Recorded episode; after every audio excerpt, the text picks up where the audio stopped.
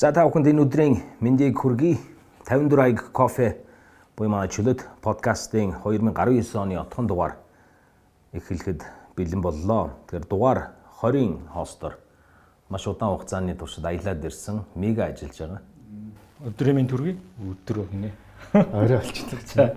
Энд нөгөө төв төвийнхөө цагаар явж байгаа. Төв цагаар явж байгаа. За тэгээ би байна. Намайг л явах уу. Түн мэд. За судлаач инженер ажиллаж байгаа мөн Токио Токио биш байгаа. Токио шин эн чинь Малайз та. Малайзаас Тийм үү? Тийм Малайз та гэсэн. Малайзаас судлаач бол сайхан оролцож байгаа. Сайн бол доо. Аа сайн байцгаана уу. Куала Лампур хотоос мэдчилж байна. Одоо чи тэгээ дараа нь хайчих юм. Одоо Шри-Ланк орно, тэгээд Малдив орно. Юу хийж явж аа, Амарч явна. Энэ дандаа харж харж байгаа энэ нөгөө визний асуудалтай хүмүүс юм ашигтай байхгүй. Аа, угаасаа. Тийм гайгүй орнуудын виз гардаг хүмүүс дандаа ингэж явдаг. Хараад байгаа. Тайланд, Малайз. Энэ одоо юу хийсэн гэж амарх уу? Хэ хийвэт бүт юу гэсэн. Подкаст таач ихэ байцсан байж тээ. За ингээд дугаар 20-оор хамрах сэдвүүд гэх юм бол эхлээд э, сонсогчдоос ирсэн фидбек санал хүсэлтийг а үүний үүний дараа мегагийн алдарт тойм явна. Аны дараа хоёр гол сэдв явж байгаа. Үндсэн хуулийн нэмэлт өөрчлөлт яг юу болоод дуусваа гэдэг талаар судлаачид маань хариу өгнө. Мөн сонгуулийн тухай хууль батлагдлаа. Ямар хөө зүйлийг ойлгох ёстой юм. Ирэх жилийн хамгийн улс төрийн календар дээр хамгийн том арга хэмжээ болох учраас энэ талаар ойлголтыг бас мэдээллийг та бүхэнд өгөх мөн олон улсын анхаарал татсан сэдвүүд 2019 оны үед юу вэ? Дотоодод болсон онц анхаарал үз сэдвүүд юу вэ гэсэн сэдвүүдийг яриад тэгээд а, дууснаа. Энэ дундуур бас а, манай мега урагшаага явж чиглэлээ авчиад ирсэн. Тэр талаараа бас оруулахыг хичээх баха. Дөрүүнээс хойш гоцолцоод ах шиг байгаа. Одоо Бээжин температур ямар хөө? Сайхан байлээ. Тэнд бүх юм сайхан байлээ. За ингээд э, отхон юм минута багасахгүй шүү залуучуудаа гэсэн байна. Минут үгнэх багасгасан байхгүй хаа тийм үү? М, 40 минутаас л дээш л байгаа даа.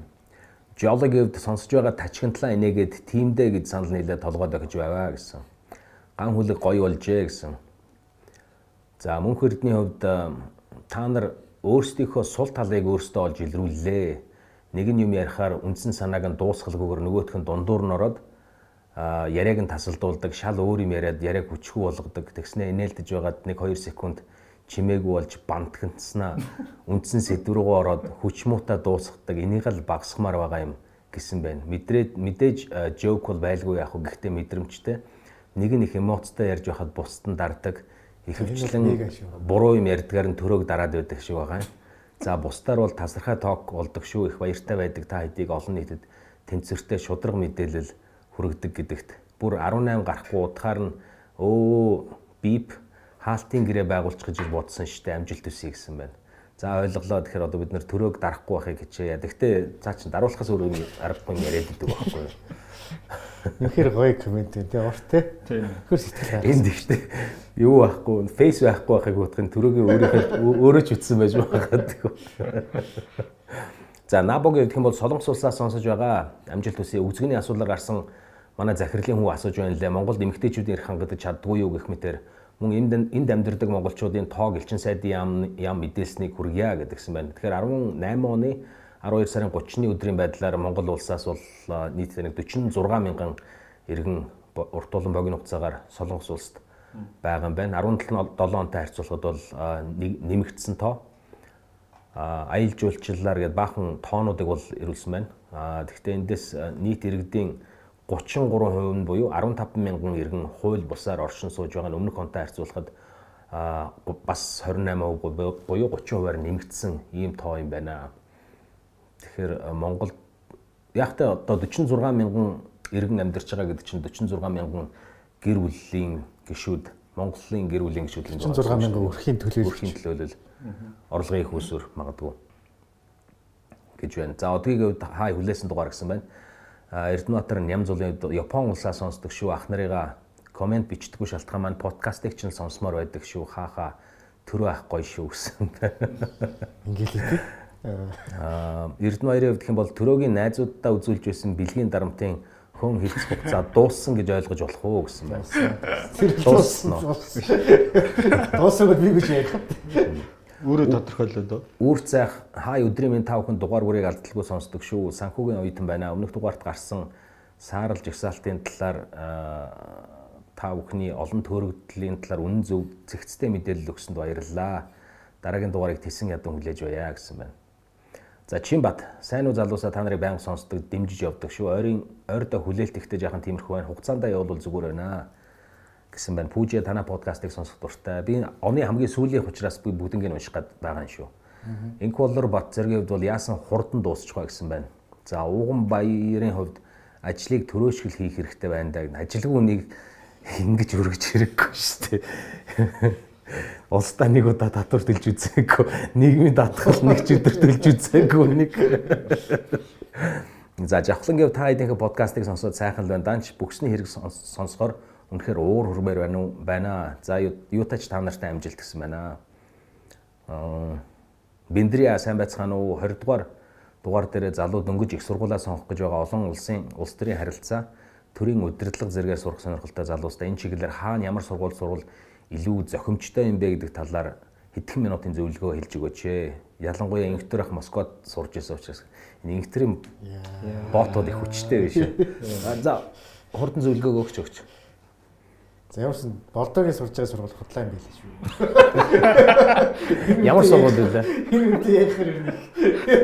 Биний сургууль шиг санагч. Бустар гайг бах тий. Тийм үү. Хаанч бусдаар бусдаар өөр хаанч сурсан болно гэж. Москвад сурах ямар хөө байдаг вэ гэж асуусан байна шүү дээ. Москвад зүгээр штэ. Зүгээр жоо аюултай. Жог бодтой. Одоо гайг болсон шүү дээ. Одоо гайг басна. Гайг бол. Миний үед их аюултай шээ. Хэрэгтэй зүйлүүд нь юу байдаг юм? Японд э, Москвад сурахад Орш хэл сурд шүү дээ. Орос хэл сурна Арс сурна. тий. Шүү. Урлаг сонгуулийг яаж их сурах баялаг уу гэж Тий, яг үүсэх юм ихтэй. Юм. Тий. Европ руу аялахад хямдхан. Онлайн мэдлэг их сайн. Таарах юмнууд нь юу байдаг? Тархам ажил хийх боломж байхгүй. Жохон Эдийн аюултай. засгийн хувьд асар дарамттай. Стипенд Үнэтэй, багтай. үнэтэй хот штэ. Тий. Тэгээд аюулгүй байдлын хувьд бас асуудалтай. Гайгүй.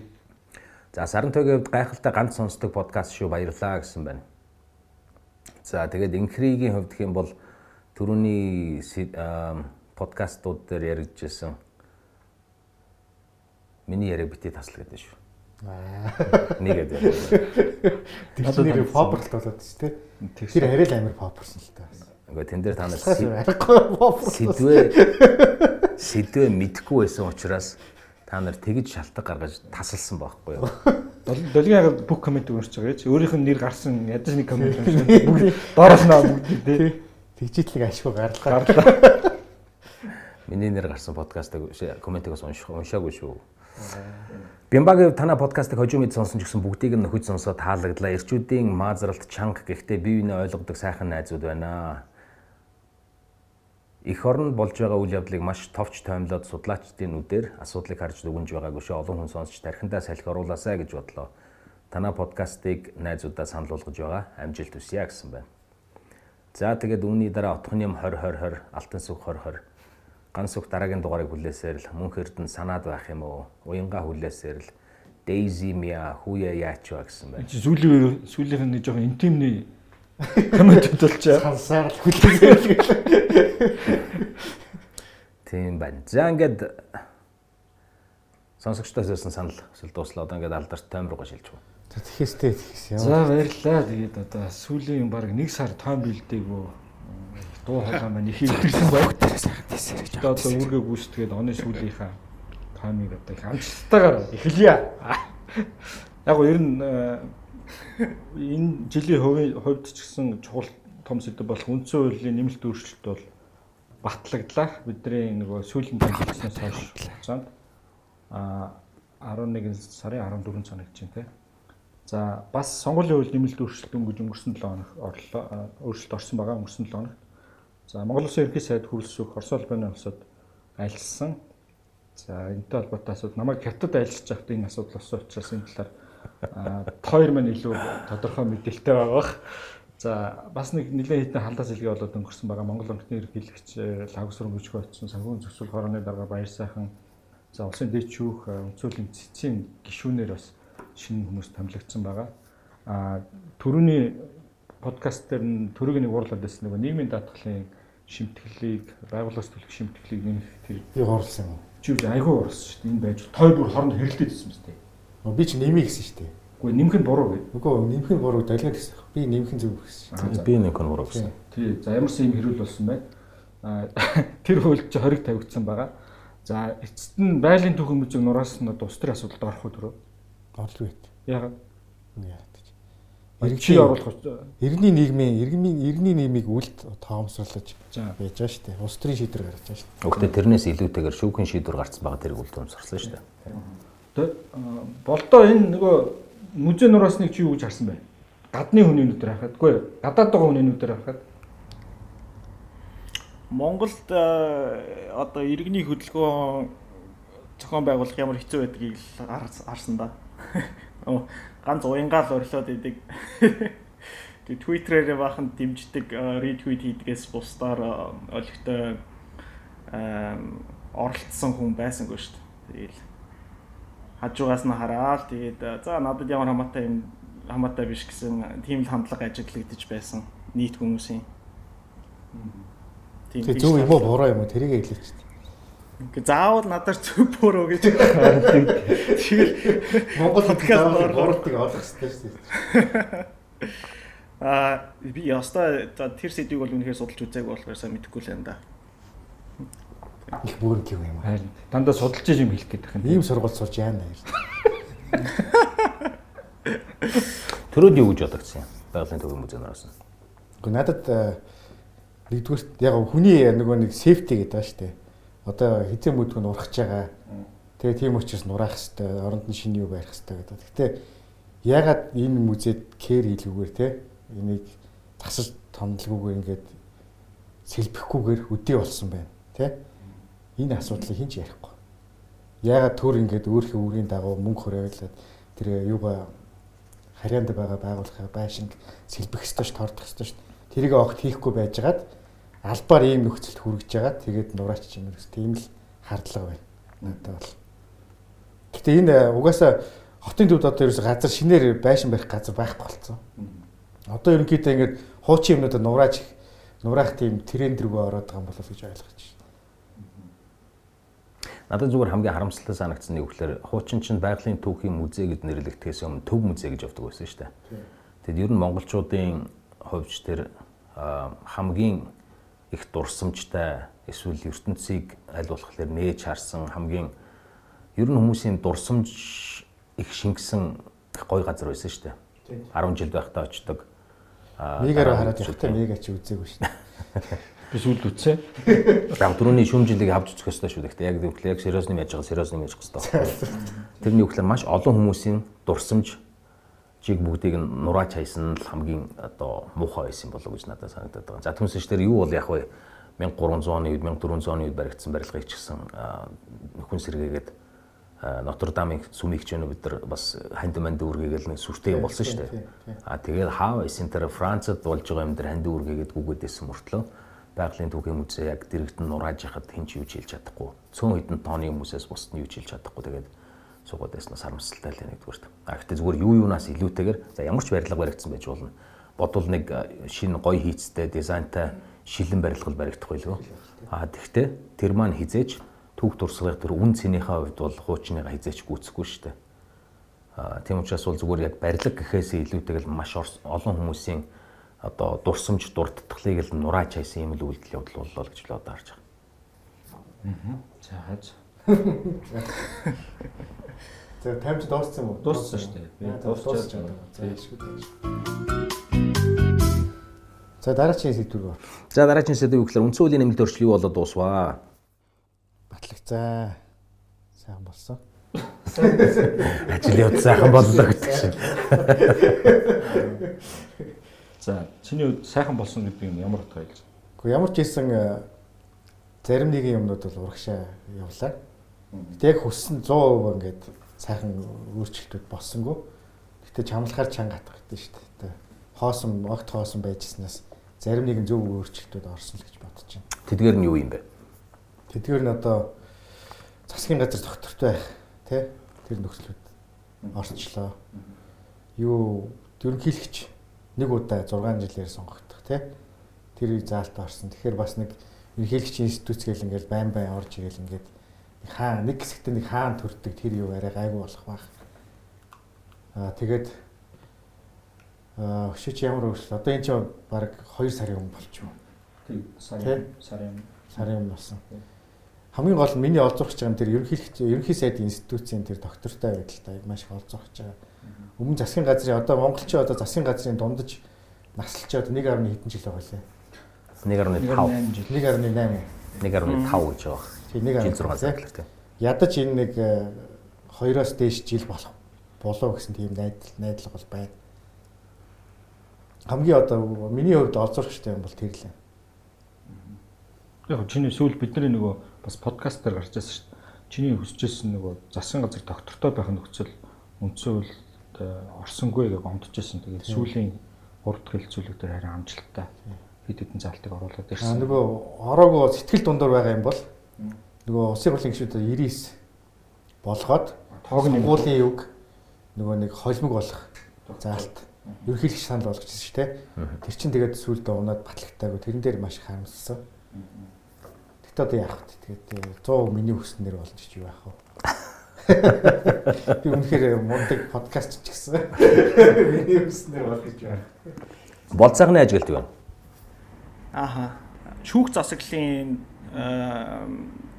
одоо independence-тэй тус юу гэдэг лээ тэрийг чинь тусдаа хараад бие даасан байдал, хараат бус байдал Түүнийг бол ер нь сэргэж өгч чадсан тийм шинжилгүүдийг хийсэн гэж ойлгосон шүү дээ.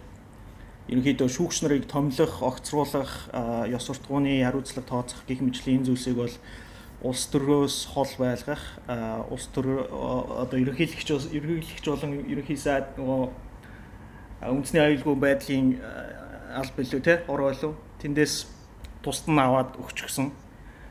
Аа Тийм тэр нэгсэн доо нөгөө 4 сард хийсэн бидний подкаст хийгээд боо юм болж байсан шүү дээ. 4 сард яг нөгөө хөл батлагтаа. Тэр гаргасан шийдвэрийг ерөнхийдөө буцаасан. Тэгээд илүү сайжруулсан тийм шинжилгээг хийчлээ гэж олзуур олзуурхаж харж байгаа. Аа бусдаар за жоохон сэтгэл доор байгаа зүйл юу гэхээр сонгуулийн тогтолцоог үндсэн хуулиар уул нэг мөсөн шийдээд өгчих боломж байсан. Гэвч тэгж шийдэж өгсөнгүй Тэгээд э, манай орны нэг зовлонтой юм байгаа шүү дээ. Сонгуул болгоноор сонгуулийнхаа тогтолцоог сольдог. Сонгуул болохоос өмнө 6 сарын өмнө хуулиа өөрчилдөг. Ялсан нам нь өөртөө ашигтай сонгуулийн тогтолцоо сонгох гэж дандаа оролцдог. Тэгээд дандаа дандаа ундаг. Тэгээд унж гарч ирээд э, одоо ялж гарч ирсэн тал нь ахаал сонгуулийнхаа тогтолцоог өөрчилдөг. Тэгээд ахаал ундаг. Ийм э, одоо сайклд орчихсон. Тэгээ үүнийг бол сая үндсэн хуулийн өөрчлөлтөөр нэмэлтийн өөрчлөлтөөр шийдэж өгч болох боломж байсан. Тэгээд тэрийгээ бол одоо хийсэнгүү. Ийм л дүгнэлт байна да. Гэхдээ ерөнхийдөө зүгээр пост коммунист орнууд төр ингэж Монгол шиг айгүй их тайван байдлаар яриа хэлцээрийн байдлаар үндсэн хуулиндаа ингээд өөрчлөлт оруулаад явж байгаа юу бол кейс бол айгүй цөөхөн баха. Би бол тэрүүгээр бас бахархсан шүү дээ ямар нэг өөмийн самун байлгүй хөрөлгүүгээр гол тоглоомын дүрмүүдээ ингээд хоорондоо яриад хилцээд ингээд батлаа явж байгаа гэдэг чинь бас нэг ололт юм уу гэж бодоод байгаа шүү дээ. За интернетээр сонсох юм бэ? Яг сая төрөг хэлсэнтэй холбоотой өчтөр нэг том судлаач хэлж илээ. Ахмад судлаач. Монголд бол 19 20 дугаар 19 20 дугаар зуунд хоёр том хувьсгал болсон. Ардын хувьсгал, нөгөөх нь нөгөө Арсын хувьсгал гэдэг Тэгээ хоёулаа бол нөгөө бусад улсуудын хувьсгалтай харьцуулахад аа хүчрхийл хийгдэг. Нэг хоёрт нь болохоор сөрөг хүчин эсвэл одоо юу гэдэг нөгөө хувьсгал хийгч тал аа үндсэн эрх хөрөгч хоёр дандаа эвсдэг. Өөрөөр хэлбэл нөгөө нэг нэг ингэ хятаж устгадаг. Аа талбараас тэр чигээр нь зайлуулдаггүйгээр сонин онцлогтой юм хувьсгал болдог Монголд гээд. Тэгээ магадгүй өөрөө ч хэлж байгаатай адилхан тийм зүйлийг бол өчтөр сонслоо бас. Үнэхээр мундаг судлаач байна тэр хүн. Чиний чиний бодож ирсэн хэлсэн байх тийм. Зүгээр энэ дээр нэг асуулт байна та хэдийн нөө. Тэрний юу гэхээр монголчуудын нэг сул тал байгаа даа шүү. Нэг нь юу гэхээр аа хүндээ зориулаад юм гаргаад юм хийгээд байдаг. Хуульч хийсэн хүнд зориулаад хийгээд байдаг. Эсвэл одоо ямар нэгэн өөрчлөлт хийсэн ч гэсэн хүнд зориулаад хийгээд байдаг. Эргээ эзэн нүдэ ажил гэхээр нөгөө хүн байхгүй болонгууд тэр нь нураад унцдаг ч гэдэг юм. Тэгэхээр саяны үндсэн хуулиар хуулийн нэмэлт өөрчлөлтөөр ийм зүйл ажиглагдав. Гүмит надад бол тийм ажиглагдсан гоо. Угаасаа үндсэн хуулийн өөрчлөлтөөр бүх намууд чинь л ингээл институтүүд өөрсдөө ашиг сонирхлыг оруулах гэж оролдоно. Тэгвэл тодорхой оруулсан байх. Тэгээд угаасаа иймэрхүү нэг нам нь олох болцсон үндсэн хуулийн олох болсон тохиолдол одоо маш ховор дахиж гарах уугүй гэдэг л мэддэг. Тэгэхээр энэ энэ шансыг бол угаасаа ашиглах хэрэгтэй байсан. Тэгээ ашигласан гэж би ойлгож байгаа шүү дээ. Яг нөгөө төрийн өвтнөр нөгөө нийлтэй нэгэн форум дээр болсон нэг хилцүүлэгт оролцсон. Тэн дээр болохоор 2028 оноос эхлээд хэрэгжих нэг хуулийн залт байгаа нь аа сонгогчийн 1% саналыг авсан. Шинээр улс төрийн байгуулахад байгуулж байгаа бол сонгогчдын 1% саналыг дэмжлэгийг авч иж нам байгуулах шаардлагатай гэдгийн залтыг 2028 оноос хойш хэрэгжүүлэхээр орж иж байгаа. Тэгээ энэ бол зүгээр бас харахад бол одоо гол эрх хэрэгч намуудын хувьд те өөрсдөө байр суурийг бэхжүүлэх бусад намууд улс төрд орж ирэх боломжийг хязгаарлаж байгаа ийм заалт болчих магадгүй л гэж ярьж байгаа. Хүн гэхээсээ илүү юу гэдэг нь тодорхой нам бүлэгч гэсэн нэг ийм заалт орсон байж магадгүй гэж. Аа. Сул тал гэх юм уу та тийм. Яг зүгээр ер нь бол альбиосны байдлаар хэлэхэд бол үндсэн хуулийн 70 зүйлд 19 зүйлд нөөцлөлт орсон байна. А түүнээс 36 заалтад бол өөрчлөлт оруулсан.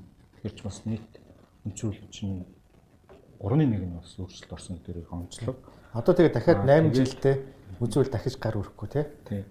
За тэгээд улсын их хурал, засгийн газар, шүүх, орон нутгийн захиргаа ерөөсөө бүх тогтолцоонд шаардлагатай байгаа сүүлийн 30 жил дутагдж байгаа асуудлуудыг аль болох нөхөж оруулж өгсөн. Өөрөөр хэлбэл юм л бол ингээ нэг критик байдлаар шүүмжлэхэд байх гэхээсээ илүү одоо бид нар энэ өөрчлөлтийг харин цаашдаа бэхжүүлэх тэрдэл дээр харин өөрсдөө соёлыг сайжруулах тал дээр явахгүй бол улс төрийн соёлыг сайжруулах тал дээр явахгүй бол дахиад нэг тогтолцоо ингээд далимдуулаад янз бүрийн нэг бантгийн нутгаад байдаг зүйлүүд байгаа ш. Тухайлбал а сая үнцүүлэр орсон өөрчлөлт юу гэхээр засан газраас оруулж ирсэн төсвийг улсын хурал тэр нөгөө нэмж нэмэх байдлаар өөрчлөлт оруулахгүй гэдэг тий ийм залт оруулж оруулж өгч байгаа. Өөрөлдвөл улсын хурлын гишүүд өөрсдийн тойрог руу авчиж янз бүрийн улсын төсвүүдийг ингэж чирдэг тий татдаг тэр нөхцлөд хязгаарлагдж байгаа гэдэг бас давал. Тэгэхээр энийг бас яаж гişүүд ашиглах бол гэдгийг бас анзаарах хэрэгтэй байна. Дахиад одоо энэ жилийн дараа жилийн тентийн төсөвч одоо хэдэн тэрбум байгаа лээ? Тийм тий хамгийн рекордны их тоо байгаа шүү дээ. За. Тий. Зөвхөн бор өндөрт хүүхдийн юу гэсэн бэ? Боловсондоо байрал яг 5 тэрбум гэсэн үү? Тэгээ тэр нэг анд анд нөхрийн хөшөө гэдэг нэг хөшөө байсан шүү дээ. Хүмүүсийн муухай нэрээр нэрлээд билээ. Тэр хөшөө чи хэдэн тэрбум гэлээ? Бас нэг 50 тэрбум л баг. Үгүй тий. Үгүй нилээ их байсан. 10 тэрбум ч үлээ.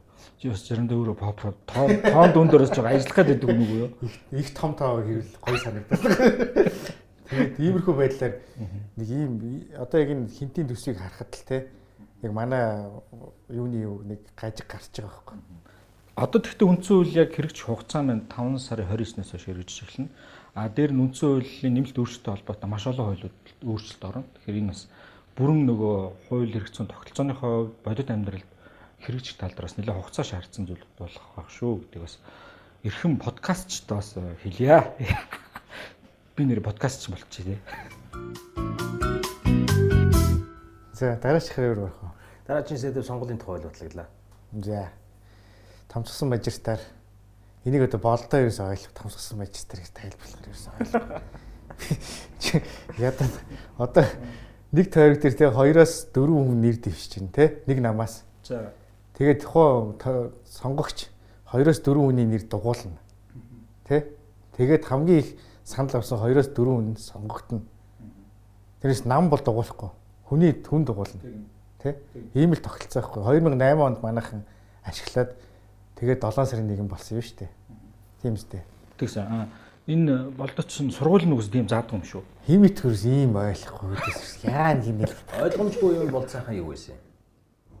Аа яг үгүй нөгөө англиар надаа block voting гэдэг гээд нэр томьёог нь хэлээд байсан байхгүй юу. Тэгээд Нэр Томио тэгээд яг Монголд хэрэгжиж байгаа сонгуулийн систем хоёрын ялгаа бас байсан. Аа зүгээр Томиогоор аваад үзэхээр дотроо янз янз байгаа байхгүй наад сонгуулийн систем чинь. Жишээлбэл аа томсгосон тойрог дээр олон мандаттай. Тэгээд улс төрийн намууд нэр дэвшигчдийг нэр дэвшүүлээд иргэд тэр нэр дэвшигчдээс нь дуртай хүндээ одоо саналаа өгөөд гэхдээ санал суудал хуваарлах болохоор хамгийн олон санал авсан нам нь одоо тухайн тойргийн бүх мандатыг ялдаг тийм тогтолцоо бас байдаг байхгүй юу. Тэгээ би энэ тогтолцоог сонгоцсон юм уу гэж инженерээс асуугаад байхгүй юу. Тэгсэн чинь инженер болохоор үгүй ээ.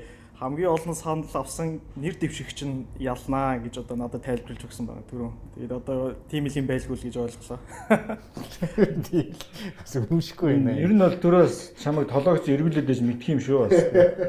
За тэгээ яг зүгээр тогтолцоонууд юу ч хийж болно шүү дээ. Гэхдээ нэг юмны үгээр яг одоо зүгээр сонгогчийн байр сууриас аваад үзэхлээр энэ маань хэр зэрэг шудраг тогтолцоо болж чадсан юм. Энэ бол ерөөсөө шин нэр дэвшигч шин намууд бие даагчдад маш халгаатай систем гэж би бол бодож байгаа. Яг тэгвэл маш том тойрогдор одоо огт танигдаагүй хүн 22 хоногийн хугацаанд те хүмүүс танигдаад мөрийн хөтөлбөрөөр танилцуулаад санал авна гэдэг бол маш худлаа шүү дээ. Энэ бол баг боломжгүй юм байхгүй юу? тэрэн цааш болдоо юу гэж. Тий ер нь угаасаа нэг улс төр судлалд э, одоо хамгийн хүлээн зөвшөөрөгдсөн хууль гэж ярих юм уу да. Физик хийм дээр чинь хууль ярьдаг штэ байгалийн хууль Ньютоны 1 дугаар хууль 2 дугаар хууль юу юу гэж гэдэг үлээ. Тэрэн шиг улс төр судлалд болохоор сонгуулийн системийн тухай нэг хууль эдийн Дювержевийн хууль гэдэг. Энэ болохоор ерөнхийдөө пропорционал биш системээр сонгуулаа явуулах юм бол plurality system гэдэг байгаа. Тэр нь манайх болохоор majoritar гэж яриад байгаа боловч яг majoritar гэдэг нь бас тусдаа систем л дээ. За ерэн зүгээр ялагч хамгийн олон санал авсан хүн л ялдаг сонгогддог ийм системээр сонгуул явуулахаар зарим нэг иргэд яадаг вэ гэхээр а би одоо хамгийн дуртай хүсэж байгаа надад таалагдж байгаа нэр дэвшигчд саналаа өгөхөөр хэрвээ тэр нэр дэвшигч нь одоо гурав дахь намын те жижиг намын нэр дэвшигч байх юм уу бие даагч байх юм уу эмгхтэй хүн байх юм уу ямар нэгэн байдлаар сонгуульд ялахгүй байх магадлал өндөртэй тийм нэр дэвшигч байх юм бол сонгогч тэр хүн саналаа өгөхгүйгээр за за энэ хоёр том намны аль хамгийн одоо баг муунд нь те хамгийн арай гайгүй идцэн тэгээ арай гайгүй авилгалд автцсанд нь өгөхөөстөө гэж саналаа өгөх тийм магадaltaй байдаг. Тэгээ нэгсэндөө сонгогч нар бол ухаантай өөрөө саналаа ялахгүй хүнд өгөж саналаа өгүүлж яснаас за за ялах магадaltaйд нь өгч идөө гэдэг. Ингээд хоёр том намыг дэмжиж явдаг ийм ийм процесс явагддгаа гэдгийг улс төр судлал бүр айл хэдийнэ тогтоогоод зөндөө олон судалгаанууд хийгдээд гаргачихсан байгаа байхгүй. Тэгэхээр одоо Монголын хийж байгаа хийх гэж байгаа энэ сонгуулийн тогтолцоо бол ерөнхийдөө хоёр том намыг илүү дэмжсэн. А төрөө илдэг шиг жижигхэн намуудад одоо иргэдийн өгөх дэмжлэгийг багасгасан. Ийм л тогтолцоо байх байх. Манайх ерөөсө бүх сонгуулиудаа иймэрхүү тогтолцоогоор л хийж явсан. 12 онд л ганцхан нөгөө пропорционал тогтолцоог холимог тогтолцоонд оруулж ирснийг хальт хийсэн. Тэгээ буцаад одоо ингээд ингээд тийм ялагч бүгдийг авдаг ийм тогтолцоо руугаа шилжээд орчихсон байна гэсэн. А тэгвэл жижиг жижиг магистрыг бодвол том магистр бол нэг нь одоо өмнөлгөө болох юу магадлал маш багтай. Маш багтай. Аль болохоор хоёулаа бараг л 50 50 ойролцоогоор ойролцоо болох тийм л шүү. Тэгэхээр юу ардын намын хувьд бол яг хав бүр арчигдах вэ гэдгээс айсан. Бүр арчигдах вэ гэдэг. Тэгээд ямар нэг юмыг айж мэдхв. Бүр арчигснаас 50% тагаа сууж гэдэг нэг тийм л сонголт хийх юм болов уу гэж харж байна. Тийм нөгөө сонголтын өрсөлдөөн талаас бол томссон мажоритаар нөгөө нам доторх өрсөлдөөний хэсэгчтэй нэг нам доторх нэр дэвшигч хоорондоо өрсөлдөөд баг нөгөө талынхаа одоо шинэ сонгогч бол ардын намаас нэг ардсан намаас намаас нэг. дэвших нэг дугуулна гэж үзэж байгаа бол ардын намын хой бит хоёр л хоорондоо нэг нэг муулах хэрэгтэй байхгүй уулна тий. Тэгэхээр чинь нэг нэг муулахаас өөр аргагүй шүү дээ. Ягаад гэвэл чи бит хоёрыг нэг л дугуулна шүү дээ. Аа тийм тэр утгаар нь хэлчихэ аа за тэгэхээр чи угаасаа нэг нэг муулахаас мега бол угаасаа худлаа шүү гэдэг сэмхи ингээд яриад явж байгаас арга байхгүй Тэгэхээр нөгөө намын дотоод нэгдэлт бол нэлээд сөрөг нөлөө үзүүлдэг гэсэн үг. Тий. За. Тэгээ намын төлөвшөлт намын төлөвшөлт урт хугацаанд сөрөг нөлөө үзүүлнэ гэсэн үг. Тэгээд нөгөө попролт, ёстой жигэн попролт ихсэн гэсэн үг шүү дээ. Ялж жижиг юм дээр жижиг мажистер гэсэн попролт бол явна шүү дээ. Тэг ихтэй том мажистер дээр илүү олон тойрон томсчих учраас илүү л pop юм ярьж ижлээ. Гарч ирэх байх л та. Тэг яг хуу сайн талууд бас байж болно л да. Жишээлбэл жижигэн тойрог дээр бол одоо төсвөөс нэг хідэн төгрөг тойрог руугаа авчираад тий тарааж идэж уугаад хүмүүст бетон бетон өгөөд нэг нэг тэрүүхэн дэндээ тоолт хийгээд ялаад гараад ирэх магадлал өндөртэй байхад том тойрог дээр тгийа гэхээр илүү их мөнгө орно гэсэн үг тийм. Тэгэхээр магадлал нь бага гэсэн үг. Нэгсэндээ санал худалдаа авах гэж оролдох оролдлого бол ер нь багтаа байх гэж найдаж байгаа. Сайн тал нь гэвэл.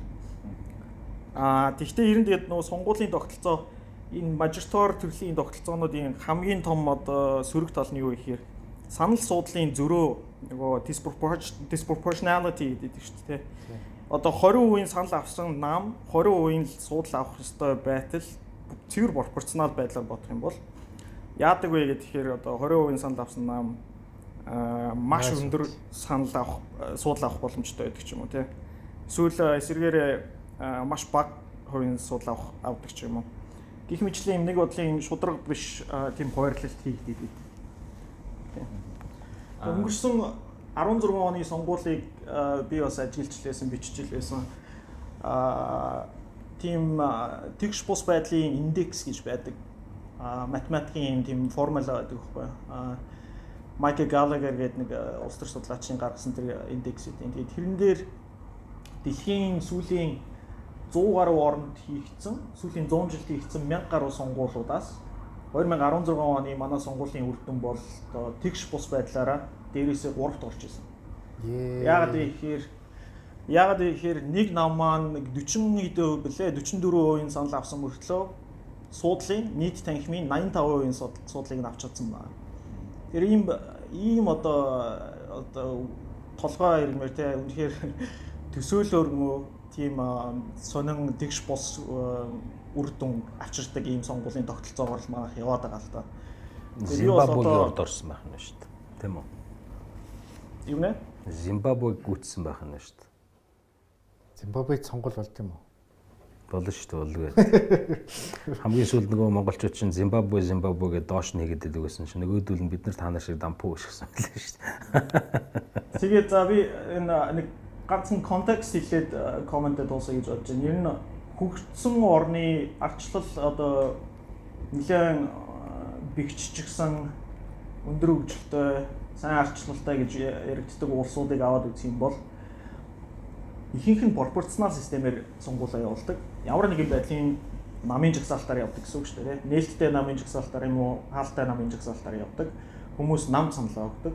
Тийм учраас нам нь айгүй дигтэй аа цаглаг баттай төлөвшчихсэн байдаг. Тийм. Тэгээд аа яг уу цэвэр одоо ялагч бүгдийг авдаг ийм системээр сонгуул хийж байгаа өндөр хөгжилтэй сайн арчлалтай гэж хэлж болохоор орн гэвэл Америк байна, Канада байна, Их Британи байна. За хөгжингүй орнуудын хувьд гэх юм бол ихэнх нь ийм сонгуулаар ийм системээр сонгуул хийж байгаа орнууд бол Их Британи, Колумб байсан улсууд, дээрээс нь Монгол байна. Тэгээд аа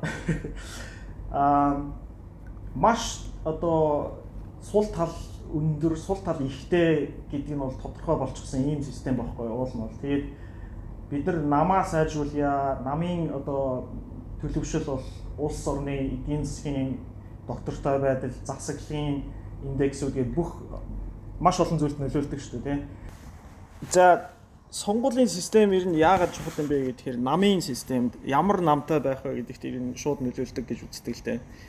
Тэгээ пропорционал системээр сонгуулаа хийх юм бол нам нэгдүгээрт олон намтай болох боломжтой. Хоёрдугаарт намуудын чанар аягүй сайжирдаг. Аа яаж сайжирдаг вэ гэхээр аягүй сахилга баттай болдог, төлөвшдөг. Аа намын удирдлага аягүй чухал болж эхэлдэг. Намын дарга сонгуульд ялж гарч ирээд ерөнхий сайдынхаа ажлыг хийгээд явна. Буцаад намынхаа гишүүдтэй хариуцлага тооцно. Тийм учраас фракцчаад ах одоо тэр байдал багасдаг. Гэх мэтлэн маш олон давуу талууд бол байгаа. А цэвэр мажистор юм уу энэ том сгсан байна уу жижигсгсэн байна уу хамаагүй ер нь ялагч бүгдийг авдаг энэ системээр сонгуул явуулахаар түрүүн хэлсэн шүү дээ тэгш бус одоо тийм хуваарлалт хийдэг дээрээс нь хувийн нэр одоо нэр дэвшигчийн үүрэг илүү чухал болж эхэлдэг намаас илүү тийм тухайн хүнд нь саналаа өгнө гэсэн. Тэгээ хүн саналаа авахын тулд намын үзэл бодлоос одоо урвсан эсвэл өөр юм ярьдаг ч юм уу. Ер нь намын тэр сахилга бат нэг тийм чухал биш болоод эхэлдэг. Тэгээд ингээ хувийн тоглолт хийдэг. 76 толгойтой одоо амтэн шиг тий 76 тийшээ хараад 76 тийшээ явах гад ингээд хэрүүл урал хийгээд ингээд байж байгаа. Ийм л тогтолцоотой байна л да. Тэгэхээр нушаад яг уу хэлэх гээд байгаа санаа нь юу гэхээр аль болохоор нушаад дурсчихсан дурсаад яг уу аль болохоор бид нар уулна бидний шийдэх ёстой хамгийн том ажлуудын нэг бол энэ сонгуулийн тогтолцоог аль болохоор пропорционал систем рүү ойртуулах 100% пропорционал биш юм а гэхэд холимог системээр явуулах боломж боломжийг л бид нэр ирж хаах хэрэгтэй байна л да. Эрэндээ манай эргэн тойронд хүртэлтэй Японоос гисүүлэл хөрш орнууд маань хүртэл холимог системээр сонгуулаа явуулаад эхэлсэн шүү дээ тий. Нилээ удаж байгаа. Тэгэхээр миний хувийн бодол бол тийм байна. Аа банк сонгуулаа сонгуулийнхаа хуулийг сонгуул болохоос нэг хэдхэн сарын өмнө өөрчлөлтөө болий. Аа илүү тэгш шудрагдуу тийм тогтолцоо руу шилжиж тэгж л одоо уриалмаар юм да. За за. Нууц нууц. Энд чинь сүүлдээ сонгуулийн шийдвүү намын тухай шийдвүү болоод байлаа. Яг зүгээр сонгуулийн хуультай холбоотой энэ томсгсон тойрог бол анх 1992 оны анхны арслан улсын хурлын сонгуул анх яг ингэж явагдсан. А дөрөвс 2008 онд явагдсан. Одоо тэгээд 2020 оны 3 дахь удаагийн туршилт болж томсгсон тойрогоор явагдаж байна. А сая уйлдраас нэмж орсон өөрчлөлтүүд гэвэл сонгуулийн сурчлагын хугацааг нэг 18 байсныг 22 болгож байгаа. Нэг 4 өдөр нэмж байгаа. Яг тэр харж үзсэн шүү дээ. Тий, тэр ямар ч хэлбэртэй юм гэхээр а нөгөө орон нутаг ялангуяа аймагуудаар бүгднгээр ингээд тойроо ихээр нэр дэвшчихийн үед амждаг амждаггүй. Тийм учраас нэг 4 өдөр баруун аймагуд бол ягаад амжихгүй вэ? Амжихгүй. Чи холоо. Зөвхөн аймагуд юу юм амжиж магадгүй. Тийм баг. Тэгээд Улаанбаатар хотоос ялгаахгүй тийм чинь дүүргүүдээр багуудаар явна гэдэг чинь бас том баг гинэ. Хороонуудаар явхад Нилээ явахцаа шаарддаг зүйл болдог. Миний ойлгосноор бол яагаад профессионалаар явж чадахгүй юм гэхэлэр хэдэн он дэмжээ цэцтэр очиод профессионал систем унсан юм бэлээ. Цэц те арт түмэн нөгөө үндсэн хууль дээр арт түмэн шууд сонгоно шууд ирэх байрна гэд заалттай зөрчсөн 16 онд энэ одоогийн ерхийлэгчийн тамгын газрын тэргүү хатагта зэн колд оруулсан бандан баггүй. Тийм тэгээд зөрчсөн гэж үндсэн хуулийн цэц үзээд тэгээд хүнийг дугуулах ёстой гэдэг шийдвэр гаргасан юм шиг үлээ. Миний ойлгосноор. Тэгээд тэрнээс хоошоо ерөнхийдөө заавал ингээд хүн дугуулах хэрэгтэй гэдэг л тийм их юм болцсон болоо. Ер нь миний ажигласнаар ийм болсон байхгүй. 12 онд бид нэр холимог тогтолцоогоор сонгуулаа явуулаад 20 хэдэн 26 суудлыг нь пропорционал сонгуулаар сонгосон баг тий. Тийм нэг холимог тогтолцоогоор явуулсан шүү дээ.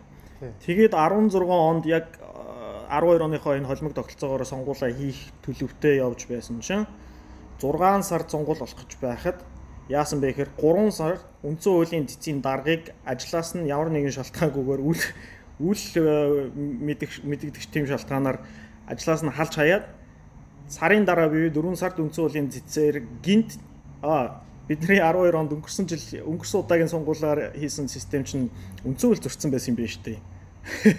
Бид мэдээгүй байж байгаа те. Яг сонгуул болох гэж байгаас 2 сарын өмнө мэдчихлээ.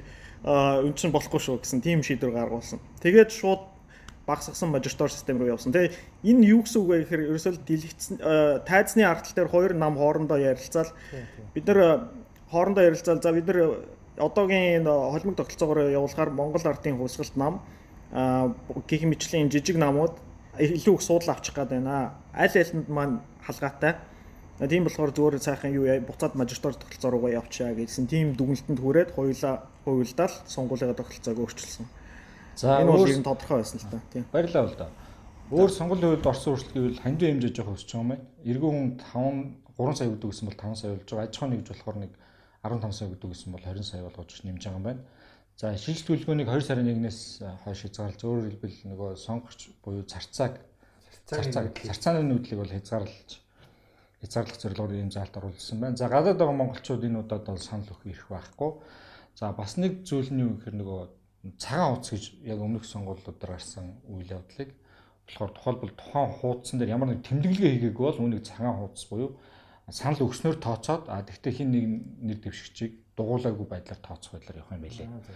Тийм залтууд өөрчлөлтүүд орсон байна. За тэгээд цөмөр одоо сонгуулийнхаа хуультай холбоотой юу сэдв дуусгая. Яг ерөнхийдөө сонсогчтой нэг юм хэлэхэд бол за угаасаа ингээд энэ сонгуулийн юугаар явнаа. Тэгтээ одоо бид нар чинь бүгдээр арчлалын юугаар яваад олон жил болчлоо. Хин хинбэ гэдгийг мэддэг болсон. Одоо манай подкастыг сонсогчд бол одоо ямар улс төрийн ямар юугаар спектрийг харах уу гэдгийг одоо мэддэг болсон баг. Тэгэхээр аль болохоор сонгуулийн системд хөтлөгдөж биш тий өөрхөн ихтгэл үнэмшлэр үжил баримтлыг хард саналаа өгөөрэй гэж уриалмаар байна.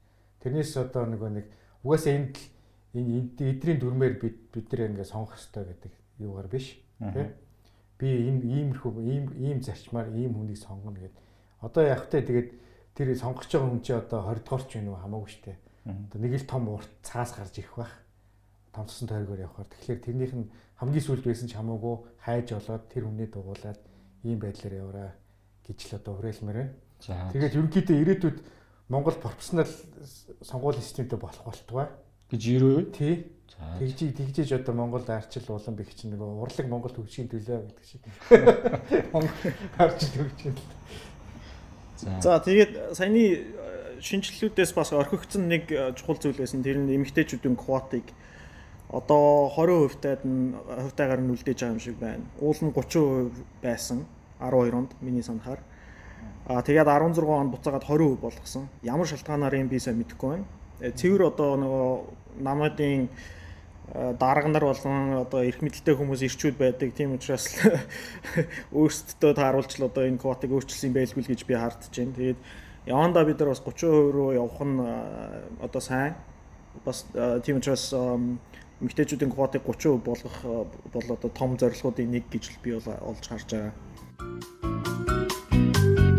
За манай хөтлөгч хөтлөгч маань 0 орохгоо гарцсан байна одоо бас. Тэр өндгөөс дуусна. Хүн юм чинь бас алдартай хөтлөгч гэсэн бас 0 орд юм байж шүү.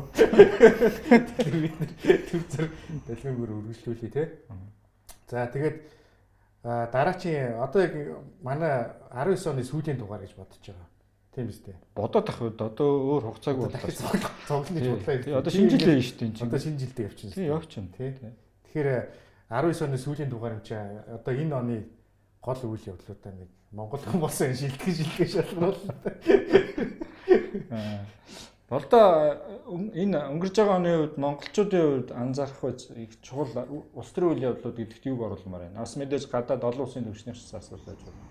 Ааха. За Монголын хувьд юм бол 4 сар за хаваржанга болсон улс төрийн сунжирсан үйл явдлууд а өнгөрсөн оны 12 сараас эхэлсэн улс төрийн драма бол маш том үйл явдлууд болж өнгөрсөн. Тэгээ тэрийг одоо базаад хэлэх юм бол эрх мэдлийн асар том одоо дайн дэгдсэн шүү дээ тий.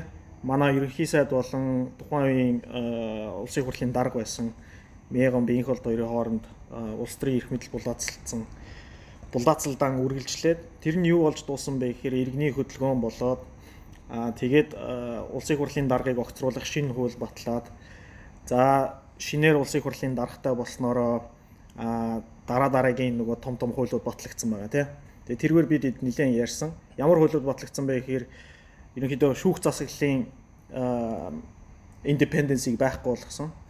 Аа тийм аюултай гэж хэлж болмоор шинжилэл өөрчлөлтүүд хийсэн боловч азар сая үндсэн хуулийн нэмэлт өөрчлөлтөөр энэ буруу шийдвэрээ бол буцаагаад сайн шийдвэр гаргаж чадсан байна. Тэгэхээр миний хувьд онцолж байгаа зүйлсүүд бол одоо одоо юу гэж хэлмээр юм бэ? Саяны болсон бүх үйл явдлууд бол нийтдээ тус тусдаа тий салангад зүйлсүүд биш ээ. Бүгдээрээ хоорондоо холбоотой ийм том эрх мэдлийн том эрх мэдлийн том том тулаан болсон. Юм бол том цагаар.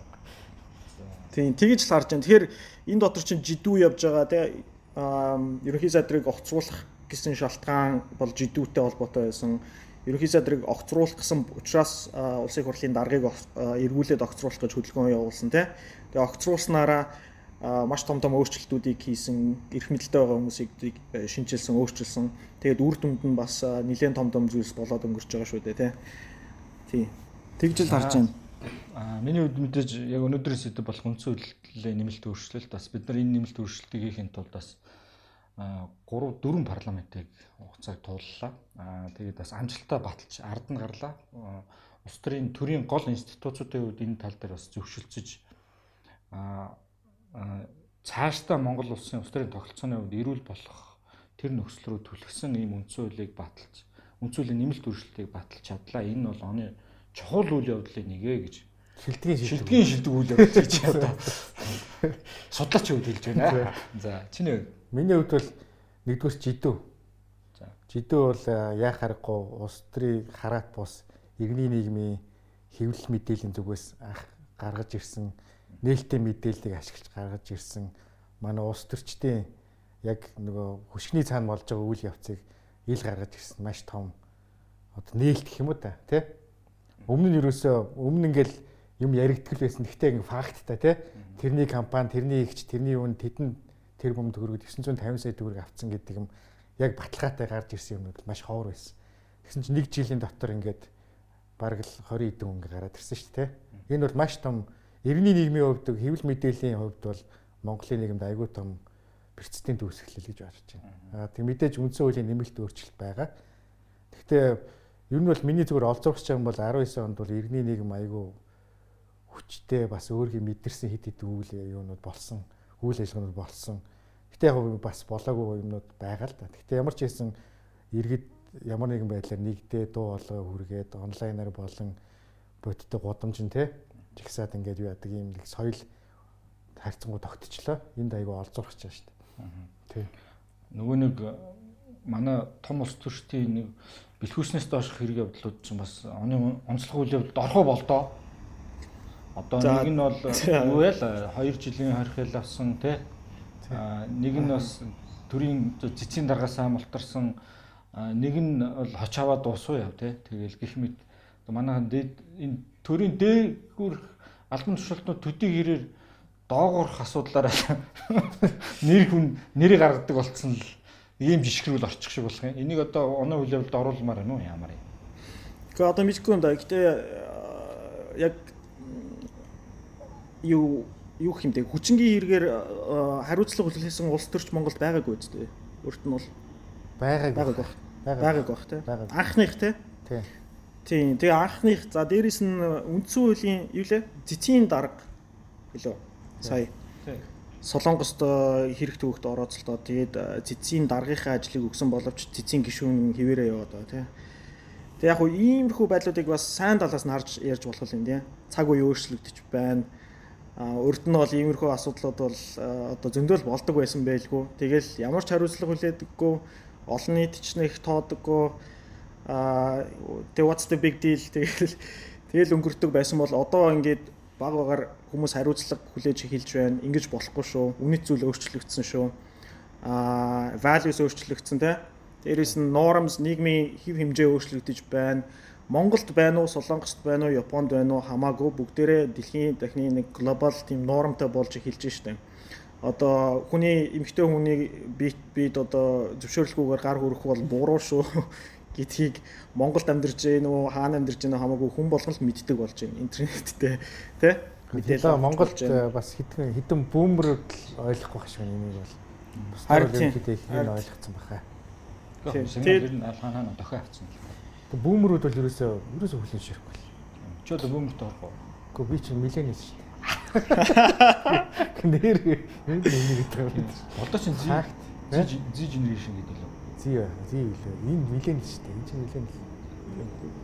Тэгээд ерөнхийдөө тий норм value өөрчлөгдөж байгаа. Энэ бол айгүй их их одоо ил тод бас энд нь маш их баярлж байгаа. Тэгээ энэ цаашаа үргэлжлэх бах. Аа олон улсын хувьд бол одоо миний хувьд шүү дээ. Хонконгийн протест тэгээ эсэргүүцлийн жагсаал энэ бол номер 1 байна. Яагаад гэвэл дэлхийн номер 1 эдийн засгтай, номер 1 айрамтай, номер 1 хүчтэй гүрний эсрэг, системийн эсрэг нэг хотын иргэд ямар нэг нэгдсэн зохион байгуулалтгаар удирдлаггүйгээр нэгдэж зогсож чадлаа штэ. Энэ бол одоо улс төрийн дэлхийн улс төрийн юмд бол айгүй том үйл явдал гэж би харж байгаа. За хоёрдугаарт бол манай ах Трампын импич сая хэдхэн өдрийн өмнө аюу конгрессээр ороод импичментээр ингээд юу ачлаа, яллагдлаа. Гэтэ огцроогүй штэ. Тий. Тэгээд 3 дугаарт нь Times-ийн нөгөө оны хүнээр Грета гэдэг охиныг тодруулсан байгаа. Энэ бол яхаарахгүй нэг бас нэг үзэгдэл мөн л дээ. сайн юм уу юу гэдэг бол дараагийн асуудал. Тэгмээс нэг энэ охин хүч төрн орж ирж тий олон Хүүхд тусдаг гэж болд юм байна. дэлхийн анхаарлын төвд ингээ орж ирж орж ирлээ. Тий. Тэгээд энэ Тэгээ энэ дээр над тий анзаарчихсан сонирхолтой зүйл юу байсан бэ гэхээр Гретаг шүүмжилж байгаа хүмүүсийн ихэнх нь эрэгтэй хүмүүс таа. Нэг хоёрт настай бүүмер эрэгтэй гэж байгаа.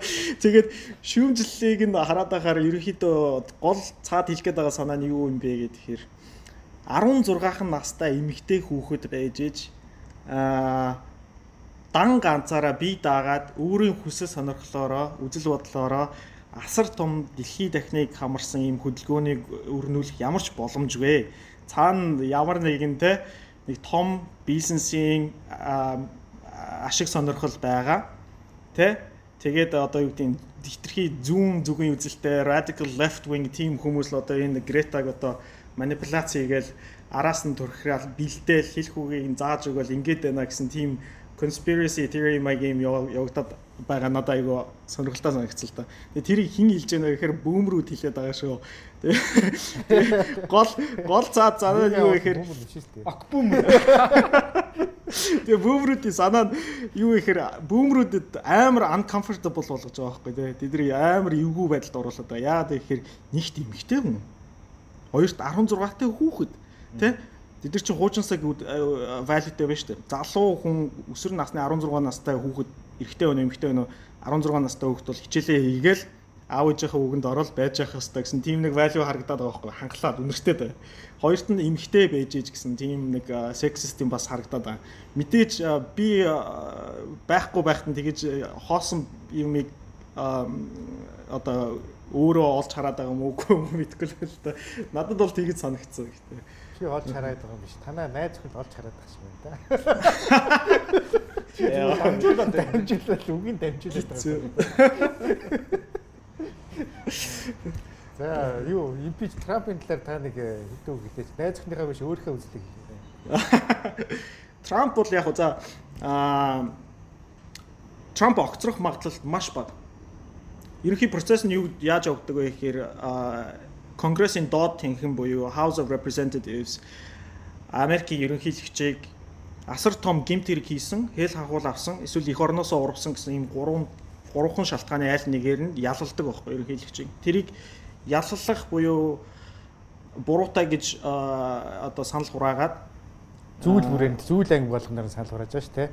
Гурван зүйл анги бол аль нэгийг нь сонгоно гэсэн үг. Тэгэхээр Трампын хувьд одоо тэр гурван зүйлийн одоо high high crimes and misdemeanors гэдэг дээр орж байгаа бах та том гэмт хэрэг хийсэн гэдгээр л явж байгаа бах та. Тэгээ яг яллахыг нь impeachment гэдэг байгаа. За тэгээд House of Representatives доод танхимын ингээд санал хураасны дараа Сенатод шүүх хуралд ордог. Сенатод шүүх хуралд орохоор Сенатын тэр шүүх хурлыг нь Америкийн үндсэн хуулийн цэцгийн дарга өдөртөж явуулдаг. За тэгээд Сенатууд шүүх хурлаа хийгээд гэрчүүдээсээ асуултаа асуугаад ярилцаж дебет хийж дуусныхаа дараа санал хураана. Тэгээ санал хураахтаа 3-ны 2-оор хэрвээ ерөнхийлөгчийг буруутай гэж яллах юм бол ерөнхийлөгч огцордог ийм л юм байна.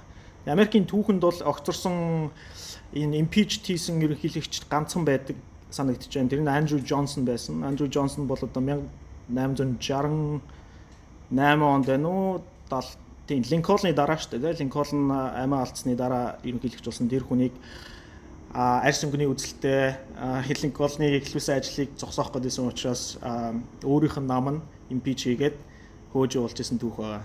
За төхөж оцсон тийм түүх бол Ричард Никсон байсан.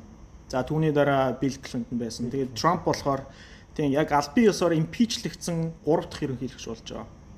Андрю Джонсон, Билл Клинтон, тэгээд Дональд Трамп. Тэгээ Америкийн одоо түүхэнд хэдэн жил хэдэн жилийн түүхтэй л дээ. Бараг 200 70 80 жилийн түүхэнд одоо импичлэгдэж байгаа, импичлэгдсэн 3 дахь ерөнхийлөгч болж байна.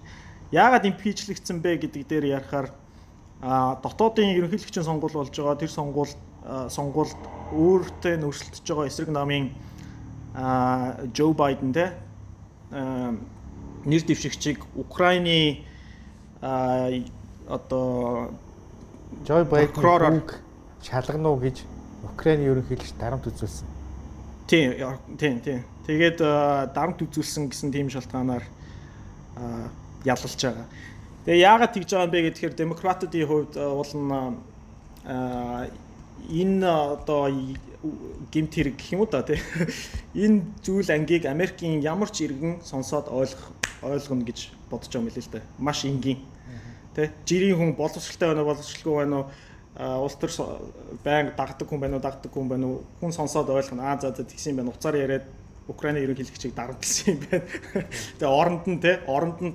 Яаж дарамтлсан бэ гэхээр миний өрсөлдөгчийн одоо хүүг шалгаад шалахгүй бол танаад өгөх гэж байгаа тэрбум тэрбум долларын тусламжаа өгөхгүй шүү гэж одоо шантаажлсан. Шантааж гэдэг бол жирийн хүмүүс сонсоод ойлгоно гэж үзсэн үзсэн учраас энэ зүйл ангийг сонгож авсан юм байна. Тэрнээс биш Трамп бол одоо маш олон импичмент хийж болохоор өчнөө олон өөр зүйлсүүд хийчихсэн байгаа. Гол нь тэднийг тэднийг тайлбарлах гэхээр тайлбарлах гэхээр айгүй complicated хүмүүс айгүй ойлгох ойлгохгүй байх магадaltaй. Тэгээд сунжих магадaltaй. Ер нь бол Трампыг миний мэдж байгаа юм бол Трампыг сонгогдсон эхний өдрөөс эхлээл импичментийг яригдсан. Тийм биз? Алсан намынхан бол эхний өдрөөс л Трампыг импичмент гэж ярьж эхэлсэн. Тэгээ Mueller report гэдэг нэг бас Оросуудын Оросуудын юу нөлөө байсан уу юу гэдэг баахан шалгалт хийгээд тэнд нь юу ч олдоогүй. Тэ? Тэгээ одоо дахиж дахиж нэг шалтгаан гаргаж ирээд ингээд тэр нь импичмент болоод явж байгаа. Тийм үстэй. Тэгэхээр зүгээр миний зүгээр Билл Клинтон одоо бас хүмүүс зарим хүмүүс хандж байгаа Билл Клинтны импичмент процесс Билл Клинтон болохоор яг импичмент процесс үед ингээд амар бурууга хүлээгээд юу яжсан байхгүй юу? Ерөнхийдөө баг нулимсаа нулимс гаргаж илүү яалаа. Үг хэлж явах та. Тэ? Нулимс гаргаж ирсэн байхгүй ингээ би үнэхээр ингээ харамсаж чинь орч чинь гэдэг ингээд яриад дахиж тийхгүй. Дахиж тийхгүй гэ тэ. Гэхдээ хамгийн гол асуудал бол Трамп бол тийхгүй байгаа. Трамп бол би буруугүй тэ та нар зүгээр зүгээр байгаараа та нар тэ улс төрийн ингээ намайг яаж байгаа гэд тэгж байгаа байхгүй. Гэтэ зүгээр юуны хувьд Клинтон уйсан ч гэсэн хүмүүс тэнд итгэхийг байхгүй. Нэг үнэн наа чи үнэн сэтгэлээс уйлаа. Трампыг бол Трамп уйлаагүй байхад гэхдээ үн сэтгэлээс өөрийгөө буруугүй бод гэж хэлж байгаа нь бүгдээр тэрэнд үнэмсэж байгаа байхгүй. Рейтинг нь өссөн байсан тийм бол та. Үгүй шүү дээ 50 50 л байгаа шүү дээ. Трампын нэр рейтинг өссөн баг шүү гэсэн тийм мэдхгүй байна сайн шалгаагүй. Ер нь ихтэй Трампийн нэг онцлог юу вэ гэхээр Трампыг яг нөгөө дэмждэг base supporters гэдэг. Тэгээ суур нөгөө дэмждэг тэр хүмүүс нь бол Трампыг юу ч хийж исэн гэсэн дэмжин угаасаа. Хууль зөрчсөн байна уу? Яасан ч байсан Трампад үнэнч тийм хүмүүс байгаа. Үгзэг өрсөн ч хамаахгүй тий. Би байхгүй юм байсан гэдэг. Үгзэг байхгүй. Тэгэхээр тоохгүй харин тий. Тэгж яахт нь үл сонгож байгаа юм чинь тийм. Тэр тэр хүмүүсийн хувьд бол угаасаа тэдний бодлыг үзэл бодлыг өөрчлөх ямар ч боломжгүй А харин impeachment юу ямар хүмүүсийн үзэл бодлыг өөрчилж яах нүггүй юу гэдэг нь чухал бай гэхээр нөгөө swing voters буюу а тэ хин цанлаа өгөхөөр шийдээгүй савладаг тэр дунд нь байж байгаа тийм хөвгч юу сонгогч нарыг тэдэрт үнэхээр энэ impeachment яаж нөлөөлж байна уу үзэл бодлыг нь өөрчилж байна уу Трампд илүү сайн болгож байна уу Трампд илүү муу болгож байна уу гэдэг нь дараагийн сонгуулиар маш том үр дүнтэй байх учраас тэр нь хамгийн чухал л та. Тэгээд одоо яг нэг юм сануулхад бол Сенатт бол бүгд найрамдах юм олох байгаа одоо. Тийм учраас бол бүгд найрамдах нам л Трампыг огцруулъя гэж шийддэг юм бол Сенатор Трампыг огцруулах ямар ч боломж байхгүй. Тэг ер нь огцруулах тий. Тий, тийм учраас бол зарим хүмүүс нөгөө Трампыг огцорчлоо энэ төргээд ойлгоод байгаа шигсэн. Тэр бол буруу шүү. Энэ нь зөвхөн доод тахим дээр сая санал хураасан. Одоо дээд тахим руу нэг сард орно. Тэгээ дээд тахим дээр бол бүгд найрамдах нам олох байгаа учраас Трамп огцорно гэж байхгүй Энэ процессыг зүгээр Трампын нэр хүндэд нөлөөлнө, сонгуульд нь нөлөөлнө, тэ дэмжигчд нь нөлөөлнө. Тийм л үр дүн гарна. Тийм тийм. Тэгээд бас нөгөө арчлан намын хувьд одоо хүнийг мэдгүй биш тэ мэдж байгаа. Мэдчихсэн анханасаа төлөвлөжсэн. Яагаад одоо огцруулж чадахгүй юм бэ гэж импичмент хийж байгаа юм бэ гэдээ бас сонирхолтой байж магадгүй тийм. Янз янзын шалтгаанууд байгаа. Гэтэ нэг шалтгаан юу вэ гэхээр Трампыг импич хийснээрээ арчлан намыг дэмждэг дэмжигч нарыг улам илүү одоо energize болгож өгч байгаа байхгүй юу? Сонгуулийн өмнөхөн тий тэр хүмүүсийг улам excited итгэвчүүлж өгч байгаа. Дээрээс нь бас зарчим яриад байгаа маа эднэр ч юм. Бид нар эдийгээр хичнээн огцруулж чадахгүй ч гэсэн зарчмын хувьд бид нар Трампын хийж байгаа энэ хууль зөрчиж байгаа энэ маш олон үйл явдлуудын эсрэг шүү гэдгээ бид нар заавал хэлэх ёстой зарчмын хувьд бид нар одоо тий үзүүлэх ёстой гэсэн үүднээс энэ импичментийг хийсэн байгаа. Тэгээд Арчлан намын Nancy Pelosi гэдэг дарга нь байгаа. Тэр даргын ерөөсөө хүсэж байгаа зүйл бол маш хурдан энэ impeachment гэдэг зүйлийг аа хийгээд дуусгах тий. Тэгээд дараагийнхаа ажилдаа орё. Тэгэхгүй бол байгаа байхгүй. Ерөнхийдөө хитрхи сунжих юм бол 3 жил impeachment-ийн асуудал яригадаад тэргээд энэ юусоо шийдэхгүй байгаа. Одоо хүртэл явчихж байгаа шүү дээ. Тэгэхээр энэ бол Арсенамын хувьд бол ингээд энийг сунах тусам энэ өөрсдөд нь хэцүү болно л та. Тийм тийм. Тийм. Сонирхолтой сэдвэр. За манай хөтлөгчийн маань хөтлөгч маань өчигдөр бас буруу даннаас та дахиад эдсэн шиг. Эргэж ирсэнгүү. Тий, дахиад жоохон муу муу дахиад авах шиг байсан юм шиг юм тий. Тэгээд эргэж ирэхгүй. Тэгэхээр ингээд юугаа ингээд оны сүүлийнхэн подкастыг ингээд өндөрлөө. Аа бид нар бас одоо бас Монгол Монгол улсын бас шилдгийн шилдэгүүдэд шалгаруулах шинэ жилийн өнөөдөр өнөөдөр подкастгаа шинэ жилийнхэн тэгээ шилдгийн шилдэгүүдэд мэдээж шалгаруулна тий. Тий. Шилдэг шилдгийн шилдэгт одоо би өөргөө нэр дэвшүүлж байгаа. Шилдгийн шилдэг таймчээр одоо мега нэр дэвшиж байна. Аха. Шилдгийн шилдэг хөтлөгч долгио нэр дэвсэн байгаа. Тий. Тий. Аа хинт болдоо гэр яах вэ? Яг бүгдээрээ бас юм авч болохгүй шүү дээ. Бас нэг нь бас нэг жил өнж хэрэгтэй. Одоо минь ойлгороо энэ хэлтэй бол өнж дараа жил бас номинаас дөрсөлтөрөө чам шанс байгаа шүү. Бид нар бөөмөр ээ чи бол залуу шүү. За за бөөмрүүд аргагүй аргагүй шагналын дуртай байх нь аргагүй. Одоо бас нэг арнаас дахиад болж байгаа үед тий. Тэгий тэгээд нэг за за ямарсан бүтэн жилийн туршид 54 аяг гээд анханасаа буруу нэрлэгдсэн бидний подкастыг маш идэвхтэй сонсож бидний шилдэгэн шилдэг подкаст болгосон та бүх сонсогчдоос судлаачдын өмнөөс баярлж талархаж байгааг илэрхийлье. А төрөд хэлэх юм байна. За гадаа хүүтэн байна баг уугаараа хацарч болохгүй шүү. За болдоо. Гэхдээ манай подкаст чинь уул нь 2 сарын 14-нд үе өнгөрсөн жилийн Валентины өдөр эхэлж байсан. Тэгэхээр 1 жил арайч болоог байна. Тэгэхээр 2 сарын 14-өөс өмнө хэдүүлээ 20 дахиад юулаа 34 34 аяг кофе авах боломж байна да. Тэр ч ярээ худлаа. Тэр ер нь энэ подкастын цаад эзэн хинбэ гэдээс болдоо болж байгаа юм шүү. Зориуд дандаа тийм эмхтээлэг те өдрүүдийг сонгож те Валентины өдөр Валентины өдрөөс эхлээд энэ төргээд аа за тийм биш. Нуус 80-д нийсэн биз дээ. Тэгээд чи тэгээд одоо болгоомжтойроо болтоо дандаа юм бийцгүй сонин сонин орнуудаар явж шүү.